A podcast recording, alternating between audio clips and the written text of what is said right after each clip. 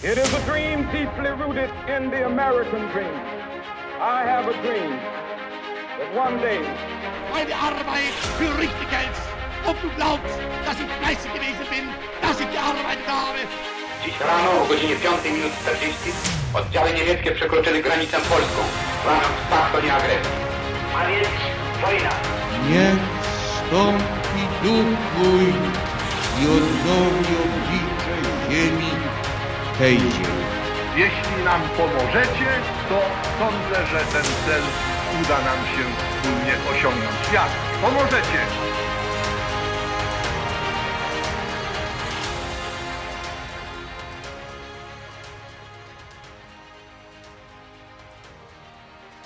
Cześć, ja nazywam się Grzegorz Dulnik, a to jest Gruby Podcast. Zapraszam na szósty odcinek z serii Wydarzenia, które zmieniły świat.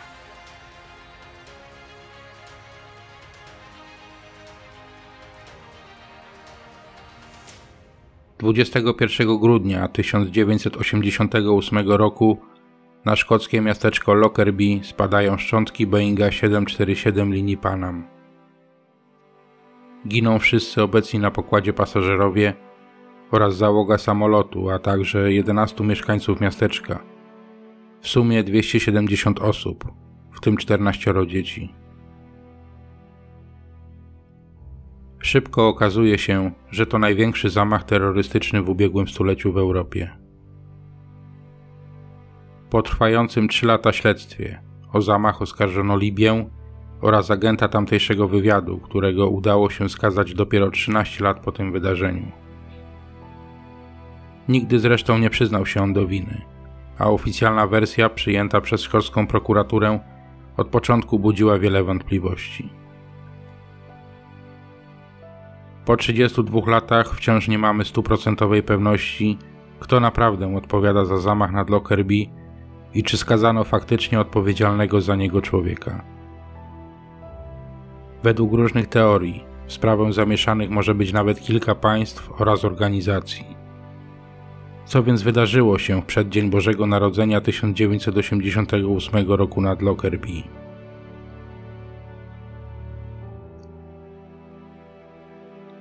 Lot oznaczony jako PA-103 z Londynu do Nowego Jorku linii Panam tak naprawdę rozpoczynał się we Frankfurcie.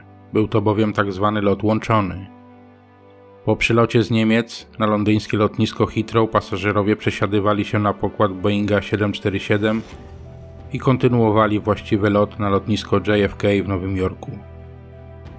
Lot obsługiwany był przez samolot Boeing 747 serii 121 o numerze rejestracyjnym N739PA i nazwie Clipper Syrena. Zwany potocznie Jumbojetem, był szerokokadłubowym samolotem pasażerskim przeznaczonym do lotów dalekiego zasięgu. Powstał w 1970 roku jako 15 maszyna tego modelu i został wprowadzony do służby w linii Panam, które były głównym odbiorcą Boeinga 747. Mimo 18-letniej służby samolot był w pełni sprawny we wrześniu 1986 roku przeszedł kapitalny remont. Załogę lotu Panam 103 tworzyli kapitan Jim Macquarie, lat 55, doświadczony pilot, 11 tysięcy wylatanych godzin, z czego 4 tysiące na Boeingach 747. Pierwszy oficer Ray Wagner, lat 52, 12 tysięcy wylatanych godzin, w tym 5,5 tysiąca na Boeingu 747. Inżynier pokładowy Jerry Avrit, lat 46, miał na swoim koncie ponad 8 tysięcy wylatanych godzin oraz 13 członków personelu pokładowego. 21 grudnia 1988 roku Samolot o godzinie 18.04 został wypchnięty z terminala na lotnisku Heathrow i o godzinie 18.25 wystartował z pasa startowego 27 prawy. Planowy odlot zaplanowany był na godzinę 18, więc samolot w swój lot wyruszył z 25-minutowym opóźnieniem. Na jego pokładzie znajdowało się 243 pasażerów plus 16 członków załogi, w sumie 259 osób. Boeing 747 wzniósł się, obierając kierunek na północny zachód, ponad Szkocję. O godzinie 19.01 znajduje się na wysokości 9400 metrów i lecąc z prędkością 580 km na godzinę, powoli kończy wznoszenie na wysokość przelotową. Kapitan Macquarie nawiązuje łączność radiową z kontrolą ruchu lotniczego w Prestwick, skąd otrzymuje zezwolenie na wyjście nad Ocean Atlantycki. Załoga nie potwierdziła już tej wiadomości. Chwilę później połączenie zostaje przerwane. O godzinie 19.02 kontrolerzy ruchu lotniczego obserwują na ekranie, jak echo radarowe Boeinga 747 linii Panam rozpada się na kilka części. Kilka chwil później pilot British Airways lecącego na trasie Londyn-Glasgow poinformował, że na niebie zauważył eksplozję. O godzinie 19.05 na szkockie miasteczko Lockerbie zaczynają spadać szczątki samolotu. Samolot, który w chwili eksplozji znajdował się na wysokości 9,5 km nad ziemią, runął w dół w okamgnieniu. Główna część maszyny uderzyła prosto w Lockerbie. Skrzydła samolotu, połączone fragmentem kadłuba, spadły na gęsto zabudowany obszar domków jednorodzinnych przy drodze Sherwood Crescent. Energia tego uderzenia była ogromna i spowodowała niewyobrażalne zniszczenia. Duży fragment wielkiego jumbojeta ważący około 150 ton z prędkością ponad 800 km na godzinę bezpośrednio uderzył w trzy domy. Nie tylko nie pozostawiając po nich śladu, ale i tworząc wielki krater o szerokości 47 metrów, długości 60 metrów i głęboki na 15 metrów. Impet uderzenia był tak ogromny, że położona 23 km od Lockerbie brytyjska stacja geologiczna zarejestrowała na sejsmografię wstrząs wysokości 1,6 stopnia w skali Richtera. 1500 ton ziemi i kamieni wyleciało w powietrze. Fala uderzeniowa powybijała okna i zerwała dachy w pobliskich domach. W skrzydłach, które spadły na Sherwood Crescent, znajdowało się 91 ton lotniczego paliwa, które stanęło w ogniu, niszcząc kolejne pobliskie budynki. W sumie zniszczonych zostało 21 domów. To właśnie na tej ulicy zginęła większość osób zabitych na ziemi. Ciał ośmiu ofiar, w tym siedmiu z jedenastu zabitych mieszkańców szkockiego miasteczka, nigdy nie odnaleziono. Dora i Maurice Henry mieszkali przy Sherwood Crescent 13. Ich ciał nigdy nie odnaleziono. Jack i Rosalinda Somerville oraz ich dzieci Paul i Lindsay zginęli w domu przy Sherwood Crescent 15. Ciał dwójki dzieci nigdy nie odnaleziono. Kathleen Flanagan i jej mąż Thomas oraz ich córka Jen zginęli w swoim domu przy Sherwood Crescent 16. Zwłok małżonków Flanagan nigdy nie odnaleziono. W innych częściach miasteczka spadły silniki i ogon samolotu. Wokół nich leciała z nieba masa mniejszych szczątek. Spadały też ciała, które najbardziej utkwiły mieszkańcom miasteczka w pamięci. Było ich tak wiele, że lokalna kostnica szybko się zapełniła. Znoszono je więc na kryte lodowisko. Przód samolotu, kabina załogowa wraz z kilkoma pierwszymi rzędami siedzeń spadła w zadziwiająco dobrym stanie w porównaniu do reszty samolotu, na polu, 4 km od miasta. Kapitan, pierwszy oficer, inżynier pokładowy, stewardessa i kilku pasażerów pierwszej klasy było przypiętych pasami do swoich siedzeń. Gdy do wraku jako pierwsza przybyła przebywająca w pobliżu żona miejscowego rolnika, stwierdziła, że stewardessa jako jedyna jeszcze żyje. Niestety, zmarła chwilę później, nim nadeszła pomoc. W raporcie patologa stwierdzono, że krótko po uderzeniu przynajmniej dwie z osób znajdujących się w oderwanym kokpicie pozostały jeszcze przy życiu i być może przetrwałyby, gdyby pomoc zjawiła się natychmiast. Następnego dnia o świcie, gdy wzeszło słońce, widać było ogrom zniszczeń, jakie spowodował spadający z nieba samolot. Trzy dni przed Wigilią świat zamiera w szoku.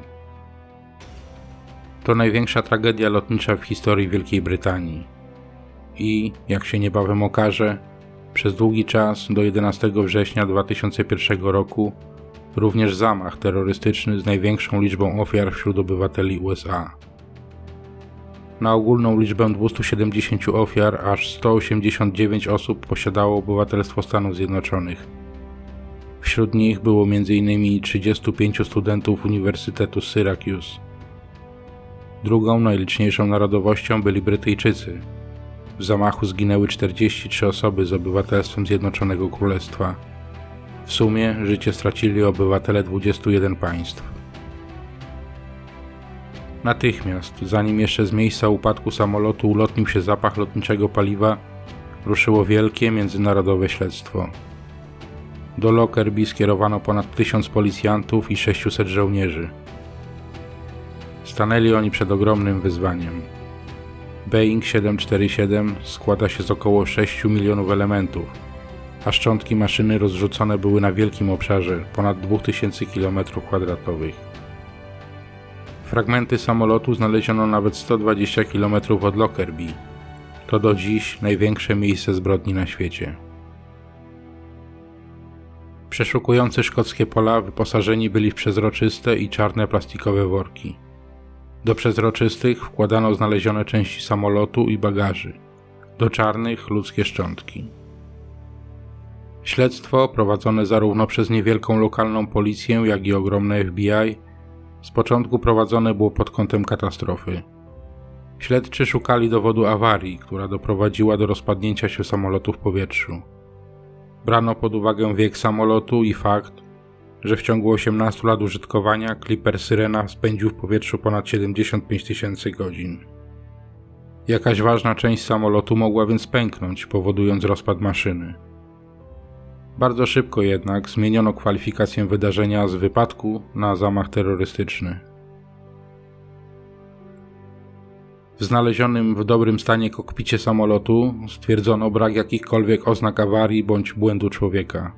Wszystkie przełączniki ustawione były w naturalnych pozycjach, odpowiadających warunkom spokojnego przelotu.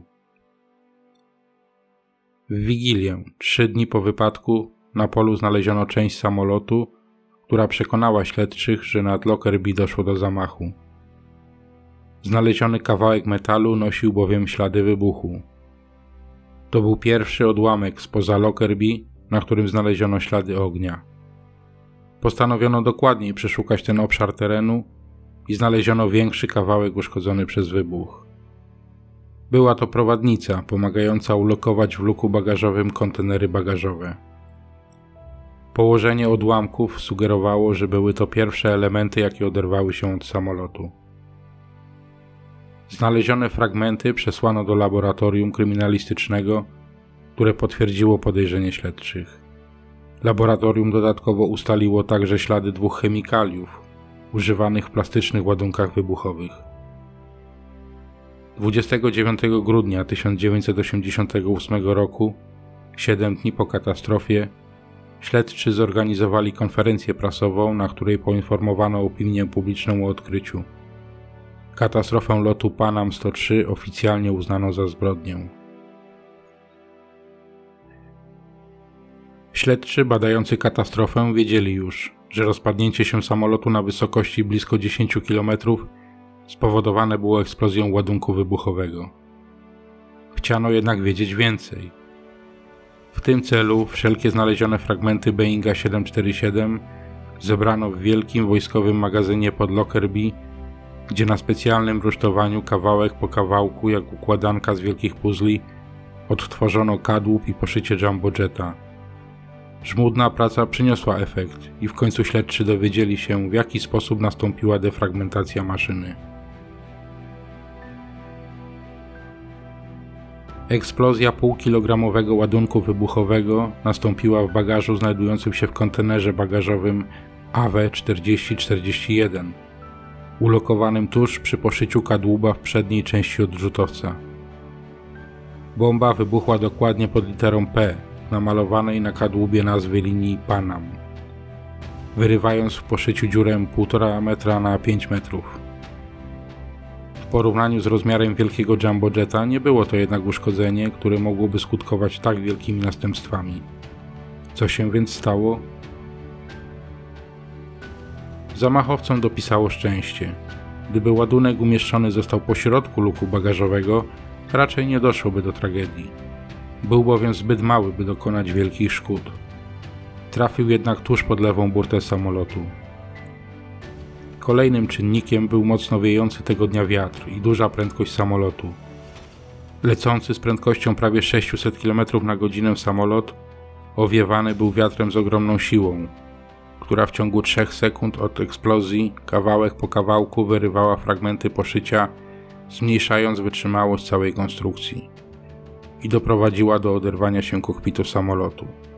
Los maszyny był wtedy przesądzony. Od strony technicznej badający przyczynę katastrofy rozwikłali zagadkę i wyjaśnili mechanizm zniszczenia Boeinga 747 Panam. Pozostało jednak jeszcze ustalić, kto stoi za tym zamachem i w jaki sposób udało mu się umieścić bombę w samolocie. Jak to zwykle w takich przypadkach bywa, na drugi dzień po zamachu uaktywniły się wszelkie ugrupowania terrorystyczne, przypisując sobie przeprowadzenie ataku na Boeinga linii Panam. Zamach rzekomo przeprowadzić miała grupa Strażnicy Rewolucji Islamskiej. Ci mieli nawet motyw, by dokonać zemsty na Amerykanach. Bowiem 3 lipca 1988 roku, a więc pół roku przed zamachem nad Lockerbie, irański samolot pasażerski Airbus A300 z 290 osobami na pokładzie wiozący pielgrzymów do Mekki został omyłkowo zestrzelony przez amerykański krążownik USS Vincennes. Okręt patrolował wody Zatoki Perskiej w celu obrony kuwejskich tankowców przed atakami sił irackich oraz irańskich od 8 lat prowadzących ze sobą wojnę. Według oficjalnej wersji strony amerykańskiej o godzinie 10.17 wznoszący się irański samolot został wykryty i omyłkowo zidentyfikowany przez amerykański krążownik jako irański bojowy F-14 Tomcat. Do pomyłki tej miał przyczynić się fakt, że parametry lotu wykrytego Airbusa odpowiadały klasycznemu profilowi podchodzącego do ataku F-14 oraz to, że cywilne lotnisko w Bandar Airbus, skąd wystartował irański samolot, było wykorzystywane przez irańskie siły powietrzne jako baza F-14. USS Vincennes przed odpaleniem rakiet miał aż 11 razy próbować nawiązać łączność radiową z samolotem, który jednak nie odpowiadał. W momencie, gdy irańska maszyna zaczęła zbaczać w kierunku amerykańskiej jednostki i znalazła się 5 km od pierwotnej trajektorii lotu, dowództwo krążownika postanowiło dłużej nie czekać. O 10.24 z okrętu odpalono w kierunku samolotu dwie rakiety typu Ziemia-Powietrze. Obydwa pociski trafiły w cel na wysokości 4100 metrów. Irański samolot został rozerwany na co najmniej dwie części i spadł do morza. Odpowiedzialność za zamach na Boeinga linii Panam wzięły również islamski dżihad czy irlandzkie ugrupowanie Ulster Defense League. Jeden z anonimowych telefonów wskazywał także na Mossad, czyli izraelski wywiad. Śledczych czekał ogrom żmudnej i często prowadzącej w ślepe zaułki pracy.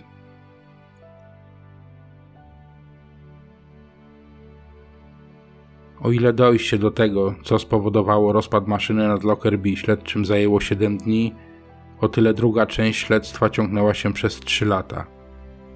W tym czasie przesłuchanych zostaje ponad 1500 świadków i sprawdzone zostają liczne tropy. Na właściwy trop, zdaniem śledczych, naprowadził dowód mieszczący się na opuszku palca. Na specjalnym rusztowaniu z zebranych na polach wokół Lockerbie fragmentów wraku śledczy odtworzyli kontener bagażowy AW4041, w którym dojść miało do eksplozji bomby. Przeglądając pogięte blachy, znaleźli malutką część, która nie pochodziła jednak ani z kontenera bagażowego, ani nie była elementem samolotu. Przesłali więc ją do laboratorium kryminalnego, skąd przyszła niespodziewana wiadomość. Okazało się, że to fragment elektronicznej płytki drukowanej, a konkretniej część radia. Eksperci ponad wszelką wątpliwość ustalili, że chodzi o radiomagnetofon Toshiba SF-16. Jak na ironię, model ten reklamowano hasłem bombowe basy. Po tym odkryciu podejrzenie padło na Ludowy Front Wyzwolenia Palestyny. Z informacji niemieckiego wywiadu wynikało, że zaledwie dwa miesiące wcześniej niemieckie służby rozbiły obserwowaną od dłuższego czasu grupę palestyńskich bojowników. W bagażniku jednego z aut należących do ugrupowania znaleziono stary radioodbiornik Toshiba, przerobiony na bombę zegarową. Znaleziono także etykiety bagażowe oraz plany lotów. O sprawie tej jednak wkrótce zapomniano, myśląc, że problem został zażegnany. Lot Panam 103 zaczynał się jednak we Frankfurcie, skąd do Londynu przyleciało 49 podróżnych. Ich bagaże przeładowano do feralnego Boeinga 747, ale linia lotnicza nie sprawdziła, czy wszyscy pasażerowie z Frankfurtu siedli na pokład w Londynie. Czy to więc Palestyńczycy byli odpowiedzialni za zamach nad Lockerbie? Śledczy odkryli jednak, że co prawda oba radiomagnetofony, zarówno ten przechwycony w Niemczech, jak i ten, który wybuchł na pokładzie Panam 103, wyprodukowane były przez Toshibę, jednak były to całkowicie inne modele. Może więc to nie terroryści z Niemiec byli winni. Wątpliwości zmusiły śledczych do dalszych poszukiwań. Dwa lata po katastrofie wśród szczątków zidentyfikowano resztki walizki, która nosiła ślady rozerwania od wewnątrz przez eksplozję. Udało się ustalić, że była to brązowa walizka marki Samsonite. Przeanalizowano obecne na niej ślady materiału wybuchowego i resztki jej zawartości. Znaleziono ślady Semtexu, ładunku wybuchowego produkowanego w Czechosłowacji, fragmenty magnetofonu Toshiba oraz szwajcarskiej części elektronicznej, która mogła być elementem zegarowego zapalnika. Służby Czechosłowacji przyznały, że dostarczano duże partie Semtexu do Libii. Szwajcarska firma Mebo, która wyprodukowała czasowy zapalnik użyty w zamachu, również potwierdziła, że urządzenie było zrobione na potrzeby libijskich służb. Można przypuszczać, że dzięki zastosowaniu przez zamachowców właśnie zegarowego zapalnika, zamiast przykład zapalnika ciśnieniowego, udało się śledczym odpowiedzieć na pytanie, w jaki sposób doszło do katastrofy. Bowiem prawdopodobnie zamachowcy w swoich planach nie uwzględnili 25-minutowego opóźnienia, z jakim samolot wystartował z Heathrow, myśląc, że bomba eksploduje nad oceanem, co praktycznie uniemożliwiłoby stwierdzenie przyczyn katastrofy. W toku śledztwa stwierdzono przede wszystkim, że ubrania, w które zawinięto radiomagnetofon, zostały kupione na Malcie – a to pociągnęło za sobą kolejne odkrycia. Zeznania Tonego Gauciego, właściciela sklepu z ubraniami, pozwoliły zidentyfikować nabywcę. Okazał się nim Libijczyk Abdel al-Megrahi, agent służb specjalnych odpowiedzialny za kwestie bezpieczeństwa w libijskich liniach lotniczych. Jego współpracownikiem był Al-Amin Khalifa Fimach, szef biura libijskich linii na Malcie. On, z racji swej funkcji, mógł swobodnie poruszać się po lotnisku. Jak na podstawie dokumentów lotniskowych ustalono, brązowa walizka Samsonite została nadana na lotnisku Luka w La Valette i oznaczona naklejką JFK Rush, co oznaczało bagaż zagubiony, który powinien jak najszybciej dotrzeć do Nowego Jorku. Walizka przyleciała z Malty do Frankfurtu i została przeładowana do pierwszego samolotu z lotu łączonego Panam 103. Tak dotarła na Heathrow, gdzie umieszczono ją w Boeingu 747 w kontenerze bagażowym AW4041. A więc to Libijczycy byli odpowiedzialni za atak? W latach 80. XX wieku Libia była oazą międzynarodowego terroryzmu. Pułkownik Muammar Kaddafi prowadził politykę tzw. Tak terroryzmu państwowego. Wspierał radykalne ruchy od Gwatemali po Filipiny.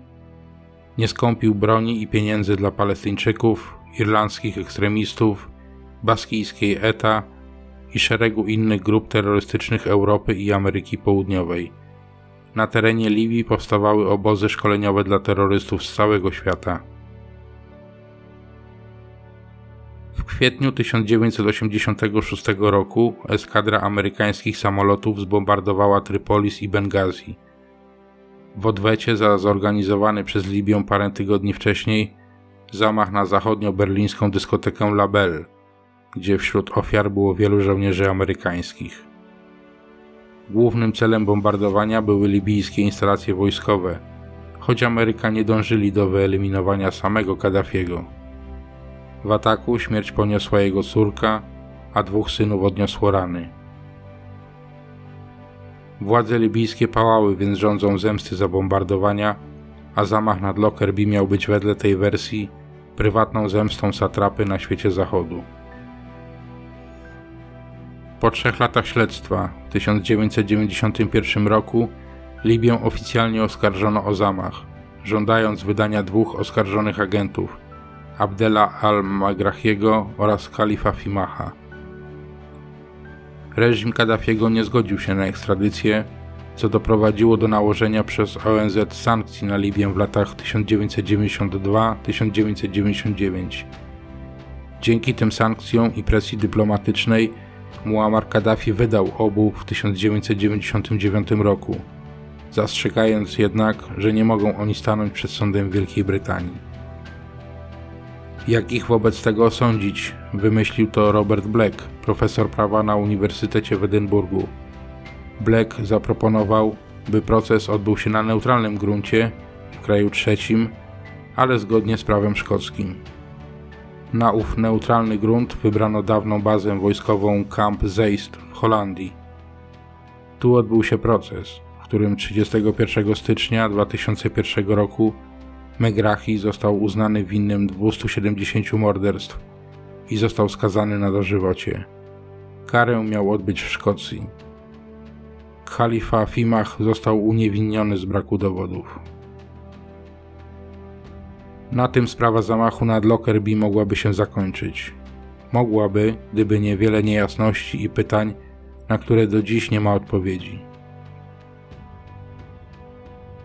Podczas procesu wyszło na jaw wiele nieprawidłowości i wyrok budził duże kontrowersje. Al-Megrahi nigdy nie przyznał się do udziału w zamachu. Problem jest też taki, że właściwie nie wiadomo jak walizka trafiła na lotnisko w Malcie i następnie na pokład samolotu. Nie ma bowiem żadnych świadków, zapisu wideo, żadnych dokumentów i odcisków palców. Nic, co mogłoby powiązać Megrahiego z brązową walizką marki Samsonite. Nie ma też żadnych dowodów na wcześniejsze powiązania Megrahiego z terroryzmem. Wątpliwości budzi też droga, jaką przebyła walizka z bombą zegarową w środku, zanim trafiła na pokład Panam 103. Śledczy stwierdzili, że załadowano ją na lotnisku w Malcie, na pokład samolotu lecącego do Frankfurtu. Następnie przeniesiono ją do samolotu zmierzającego do Londynu, a tam, po raz trzeci zmieniając samolot, pojawiła się na pokładzie Panam 103, udającego się w podróż do Nowego Jorku. Już sam wybór tak skomplikowanej drogi dla bomby z nastawionym czasomierzem jest zastanawiający. Wszak zdarzają się, nawet dość często, opóźnienia w lotach, a decydując się na trzykrotną zmianę samolotu, zwiększano tym samym prawdopodobieństwo, że ładunek eksploduje w nieodpowiednim miejscu i czasie.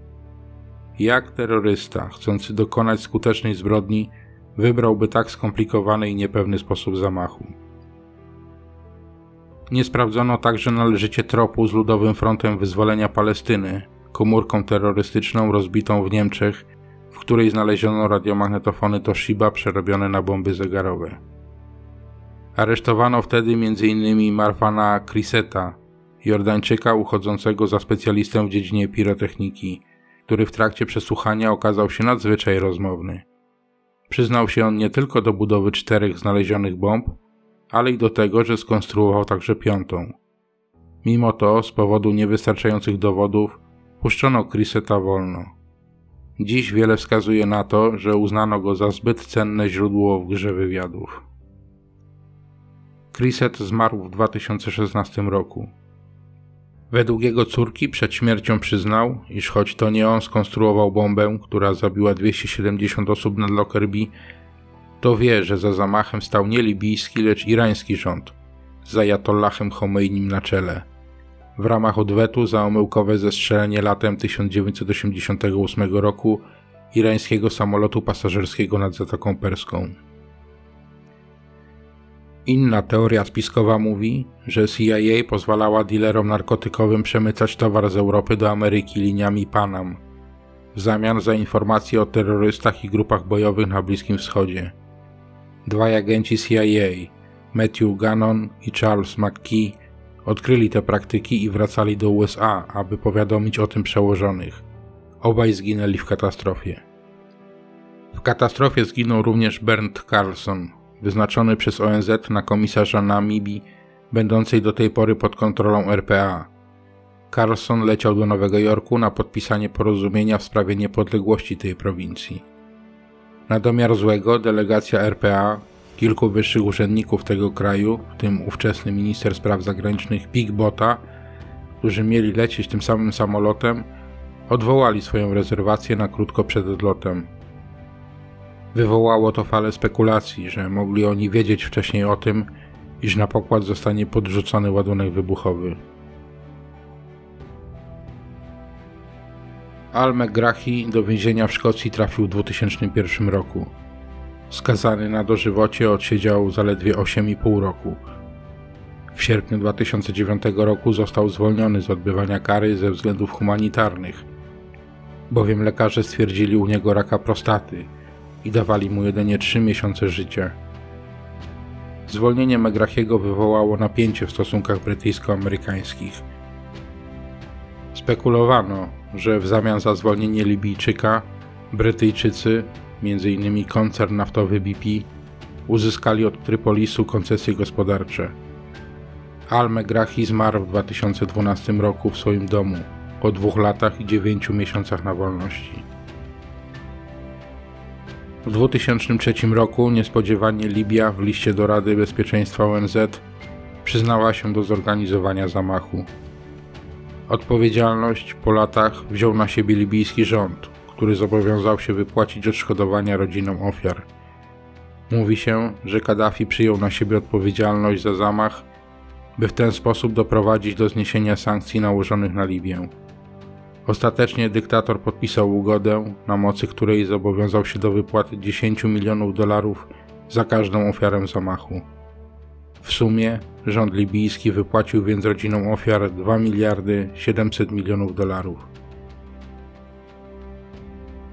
Zamach nad Lockerbie był jedną z przyczyn upadku linii lotniczych Panam w 1991 roku.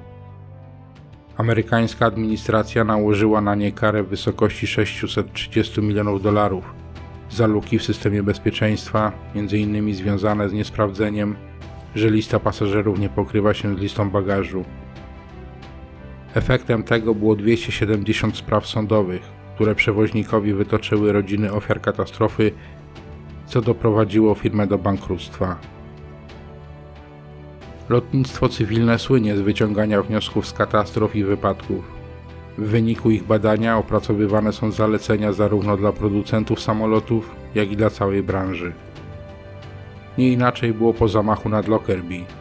Dziś bagaż rejestrowany, czyli ten nadawany do luku, jest skrupulatnie prześwietlany. Linie lotnicze pilnują też, by bagaż pasażera, który nie stawił się przy bramce, czyli zrezygnował z lotu już po odprawie, został wyładowany z samolotu. Wielka Brytania, USA i Libia wystosowały w 2013 roku, 25. rocznicę zamachu na samolot linii Panam, wspólny apel w sprawie odnalezienia i ukarania winnych tego ataku. Londyn, Waszyngton i Trypolis wydały wspólne oświadczenie, w którym napisano: Chcemy, aby wszyscy ci, którzy są odpowiedzialni za ten wyjątkowo okrutny akt terroryzmu, zostali osądzeni i chcemy zrozumieć, dlaczego ta zbrodnia została popełniona. Wszystkie trzy kraje deklarują, że będą ściśle współpracować, aby wyjaśnić wszystkie fakty dotyczące tego zamachu. Do dziś dnia jednak nie pojawiły się żadne nowe szczegóły, które pozwoliłyby poznać całą prawdę o zamachu nad Lockerbie. Katastrofa Boeinga 747 linii Panam nad szkockim miasteczkiem pozostaje jednym z najtragiczniejszych zdarzeń w historii lotnictwa i najkrwawszym zamachem terrorystycznym dokonanym w Zjednoczonym Królestwie. Bardzo dziękuję za uwagę. Jeśli Wam się podobało, będę wdzięczny za podzielenie się podcastem ze znajomymi. Zapraszam też na moje kanały w social mediach, gdzie możecie zostawić recenzję, komentarz lub łapkę w górę. Do usłyszenia w kolejnym odcinku podcastu. Cześć!